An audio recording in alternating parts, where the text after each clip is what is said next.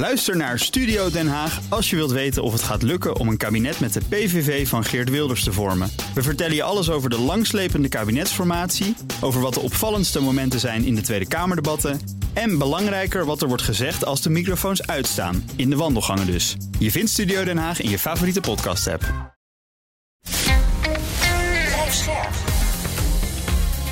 BNR Nieuwsradio. Boekenstein en de Wijk. Hugo Reitsma. Welkom bij Boekenstein en de Wijk. Het is donderdag, dag 652 van de oorlog in Oekraïne. En we nemen vandaag weer wat van jullie vragen door. Dank aan iedereen voor die vragen en de vele reacties. En ik had daar heel veel staan over de Europese wapenproductie. Heer de Bouwmeester bijvoorbeeld vraagt: Wordt het niet eens tijd om na te denken over een oorlogseconomie? Rusland besteedt bijna een derde van haar budget aan defensie. Zonder de VS zijn we nergens, enzovoort. Uh, Dirk Rodermond voegt eraan toe. Ik vraag me ook af waar, waarom we dat nou niet doen. Is dat omdat het te veel toewijding vraagt van het electoraat? Nou, hij zegt het heel deftig, maar het is eigenlijk heel simpel. Wij hebben een markteconomie. Hè? Een oorlogseconomie vereist een enorme interventie van de staat in de economie. Er hm. worden prioriteiten gesteld. Hè? Om gewoon maar iets, een grappig voorbeeld te geven van... Je kan, niet meer, je kan niet meer even zomaar je keuken verbouwen. Want die mensen die dat kunnen, die kunnen ook in de oorlogseconomie werken. Hè? Dus er komt gewoon ratsoenering. Er komen, de schaarste wordt groter. Nou, dat, kan, dat, kan allemaal wel, maar dan moet je in een oorlogssituatie zitten. En daar zit je niet in. Dat kan, daar, daar, is gewoon, daar is gewoon speciale wetgeving voor om dat voor elkaar te krijgen. Maar die wetgeving kan niet geactiveerd worden. Maar je zult wel in de richting van de oorlogseconomie moeten gaan. Ja, en, en, het, en, het is precies wat erop zegt. Er is dus nu geen oorlog. Dus politiek acht ik dit is gewoon heel erg lastig. Tenzij je grote charismatische leiders een geitenpaadje weten te vinden. Maar daar zie ik nog geen begin van eigenlijk. Nou, maar dat hoeft ook niet. Je kunt gewoon uh, zeggen van uh, we gaan heel erg versneld.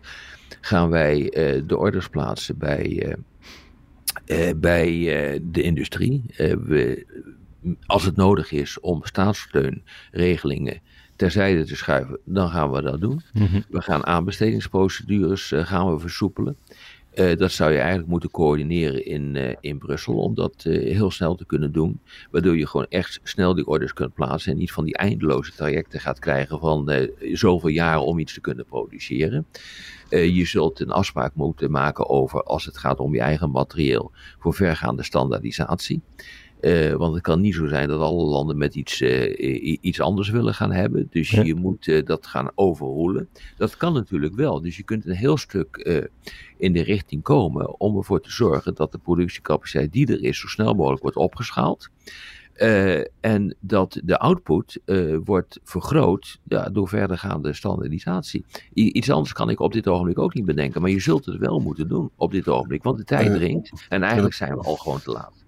En dat betekent dus dat je, moet je voorstellen, de EU is dus opgericht hè, uh, als een gemeenschappelijke markt, hè, dus met ook Europese uh, aanbestedingsregels. Mm -hmm. Je moet dus letterlijk het Europese verdrag hier dus buiten werking stellen. Dat kan wel, maar daar moet je wel dus, uh, daar moeten alle landen het mee eens zijn. Dus ook, nou, ook denk je dat het nodig is om het verdrag echt buiten werking te stellen? Dat denk ik wel, ja. Jurist. Nou, dat weet ik niet. Dat weet ik niet. Kijk naar de Chips Act, die niet zo lang geleden is aanvaard. Daarin is ook eh, bepaald uh, dat staatssteunregelingen in belangrijke mate uh, even terzijde worden geschoven. Dus het kan allemaal wel. Hm. Je kunt dit allemaal wel coördineren. En het Defensieagentschap van de Europese Unie, die, die doet zijn best op dit ogenblik. Maar je moet je landen wel meebrengen, meekrijgen. En dus ja, er zal ongetwijfeld zal er een punt zijn met betrekking tot het verdrag. Maar tegelijkertijd denk ik dat het grootste struikelblok is de het nationale beleid van de lidstaten. Ja, en overigens, weet je, defensie is al een uitzondering hè, op de gemeenschappelijke markt. Dus dat, ja. dat staat vrij. Maar die Europese aanbestedingsregels zijn natuurlijk eh, onderdeel van de supranationale kern, zeg maar. Ja, je, kunt dus, in, nou dat is wel een belangrijk punt wat je maakt. Je kunt dus inderdaad aanbestedingsregels uh, buiten uh, de orde plaatsen als de nationale veiligheid daarmee gediend is. Nou, me dunkt dat is hier op dit ogenblik wel het geval. Het, het probleem is Zeker nu het zo slecht gaat en met betrekking tot de steun in Amerika, maar ook het gedoe wat we hier hebben in, uh, in Europa, waardoor ook uh, er geen besluiten kunnen worden ge, genomen ten aanzien van steunpakketten in de richting van Oekraïne, omdat Hongarije bijvoorbeeld continu dwars ligt. ja, zul je dus toch wel iets moeten gaan doen. En dat betekent dat de landen echt hun verantwoordelijkheid moeten nemen. En zo snel mogelijk de defensieindustrie op poten zetten. Ja, het is dus niet alleen de granaten bestellen, maar dat ook langjarig geloof ik vastleggen. Want die industrie moet dan ook eerst investeren in de productiecapaciteit. Het is niet zo dat, dat, je de lopende band uh, aan kan zetten. Je moet eerst de lopende band nog bouwen, zeg maar. Ja, exact. En dat, uh, dat die investeringen moeten er uiteindelijk uitkomen.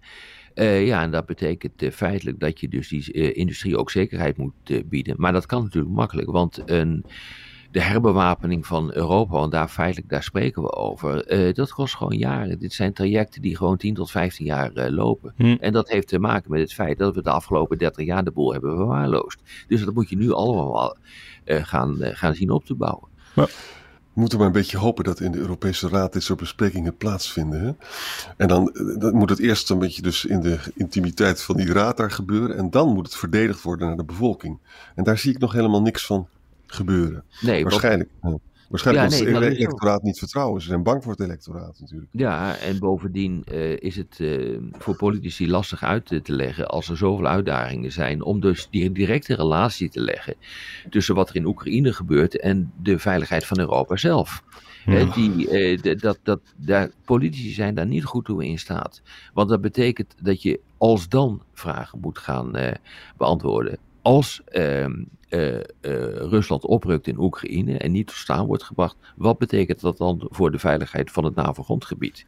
En dat zijn als-dan vragen, daar wil men niet over nadenken, want men denkt alleen maar na over een uh, situatie die ze op dit ogenblik aankunnen. En dat is echt een groot probleem. Ja. Ik heb nog een leuke als-dan-vraag voor jullie van Giel Boes. Die vraagt: wat als Rusland, of juist het Westen, geen kernwapens had? Counterfactual, hè? Nou, dan moet je gaan. Uh, dan zou dus de nucleaire escalatie zou dan dus wegvallen. Maar dan heb je nog steeds natuurlijk een, een grote conventionele escalatie die nog mogelijk is. Hè? Mhm. Ja. En, maar goed, het is wel zo dat uh, nu Rusland. Uh, die spaart nu kruisraketten, maar heeft er ook niet zo verschrikkelijk veel meer.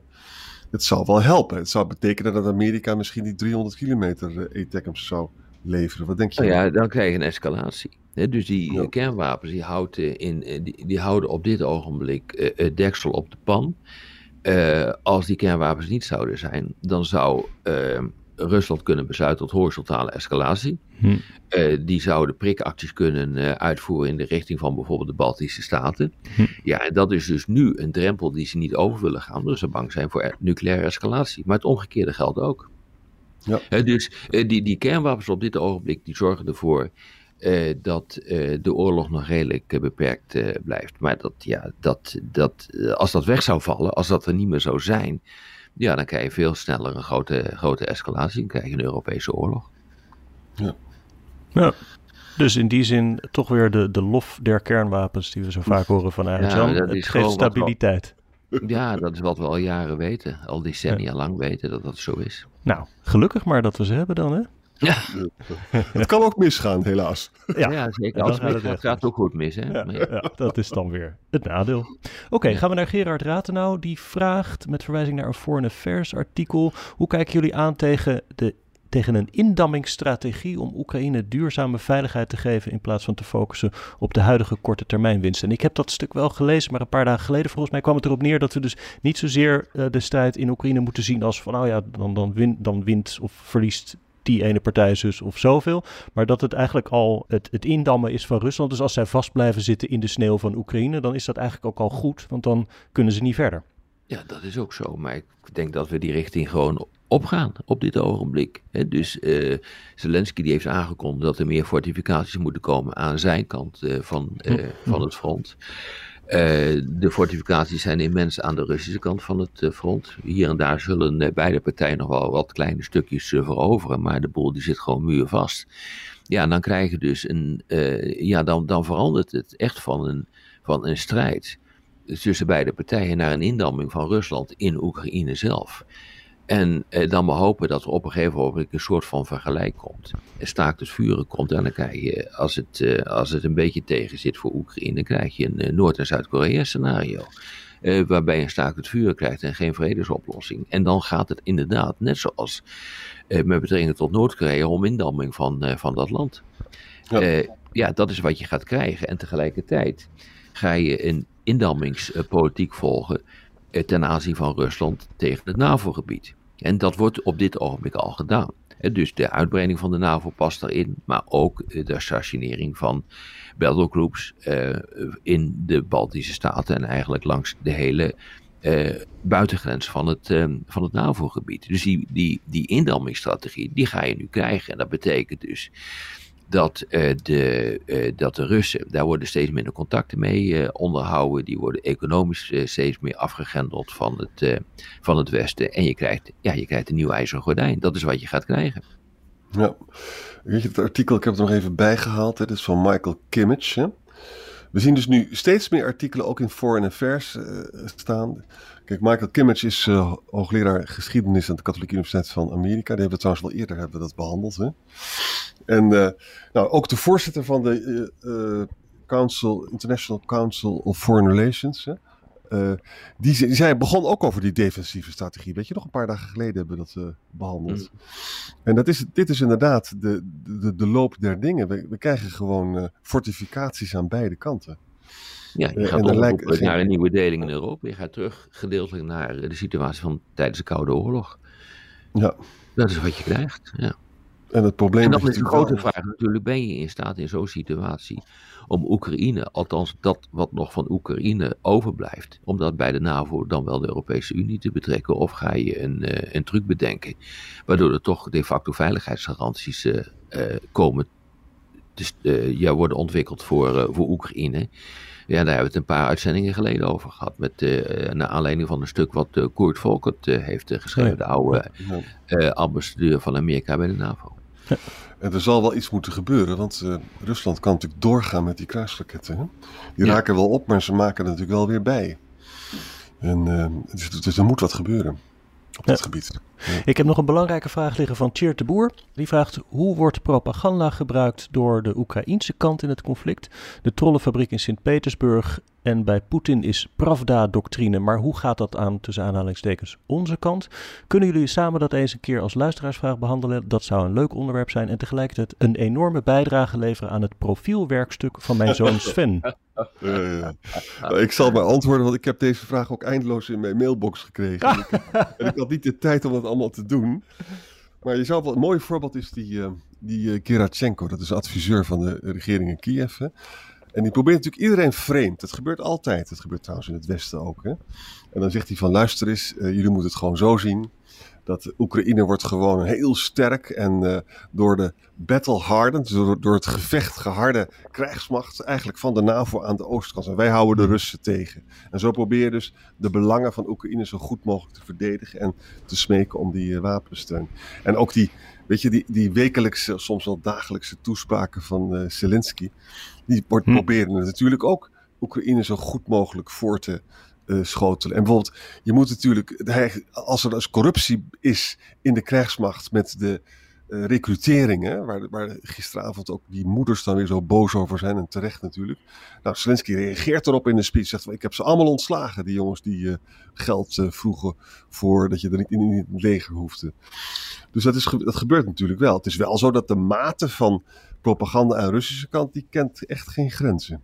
Jawel, maar het punt is, uh, Arend Jan, dat Rusland een tegenstander is van het Westen. En probeert door middel van hybride tactieken, waar ook desinformatieoperaties bij horen, het Westen uh, ja, te ondermijnen. Uh, aan de andere kant op werkt dat veel lastiger, omdat Oekraïne, of omdat Rusland, Poetin, eigenlijk de hele informatie beheerst uh, in Rusland zelf. Hm. Dus dat is veel lastiger om dat land uh, te bestoken met, uh, met desinformatie en met, met, met propaganda. wat je dus in Oekraïne veel meer doet om de steun te behouden in het, in het Westen. Dat is precies, nou ja, wat Jan ook heeft gezegd. Dat zijn die, die nachtelijke persconferenties, die video's van Zelensky. Maar ook door het uitnodigen van de vrije pers in, uh, in, door Oekraïne. dus uh, je, kunt, uh, je kunt journalisten kun je meenemen naar het front om te laten zien wat daar gebeurt. Nou, die berichten daarover, dat heeft natuurlijk grote effecten eh, in, het, ehm, in, het, ehm, in het Westen. dat hebben, we hebben ook bepaalde verschrikkelijke gebeurtenissen worden aangegrepen door door Oekraïne om het punt te maken. Dat hebben we gezien in het begin van de oorlog. Bij ja, Butsja. Ja, bij Butsja in maart. Toen trokken de, de de, de, Russen zich terug uit het, uit het noorden, werden feitelijk verslagen door Oekraïne in het noorden. er werd bekend wat er gebeurd was in uh. Er waren honderden doden gevallen. Nou, je ziet dan dat journalisten naar naartoe worden gehaald. En dan ontstaat er een situatie waarin uh, de, uh, het Westen zegt van oké, maar nu gaan we ook meer wapens leveren. dus je kunt, je kunt ook de, de media daarvoor gaan gebruiken. dat, mhm. is, dat is echt gewoon veel moeilijker in, uh, in Rusland. Ja. Ja, je ziet de Israëli's dat doen ook, hè? Dat die journalisten meenemen naar die kibbutz, waar die slachting door Hamas is aange, aangericht. En dat, dat lijkt ook wel een uh, propagandadoel te hebben. Natuurlijk heeft dat een propagandadoel. het gaat erom dat je de steun krijgt van de rest van de wereld. En dat, het, het, propagandadoel van Rusland is ontwrichting.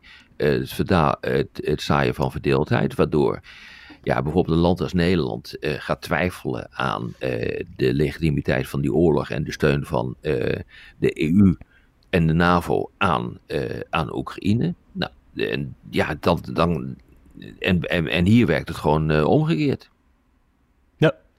Sven, doe er je voordeel mee. Sven zit in 6 VWO, dus het moet wel een beetje een stevig, uh, stevig stuk worden. Maar ik denk dat jullie daar mooi aan hebben bijgedragen. Ja, zeker. Dank voor vandaag. Ja. En tot morgen maar weer. Tot tot morgen. Ook Harm Edens vind je in de BNR-app. Je kunt BNR Duurzaam niet alleen live luisteren in de app, maar ook terugluisteren als podcast, zoals al onze podcasts. En naast dat de BNR-app Breaking News meldt, houden we je ook op de hoogte van het laatste zakelijke nieuws. Download nu de gratis BNR-app en blijf scherp.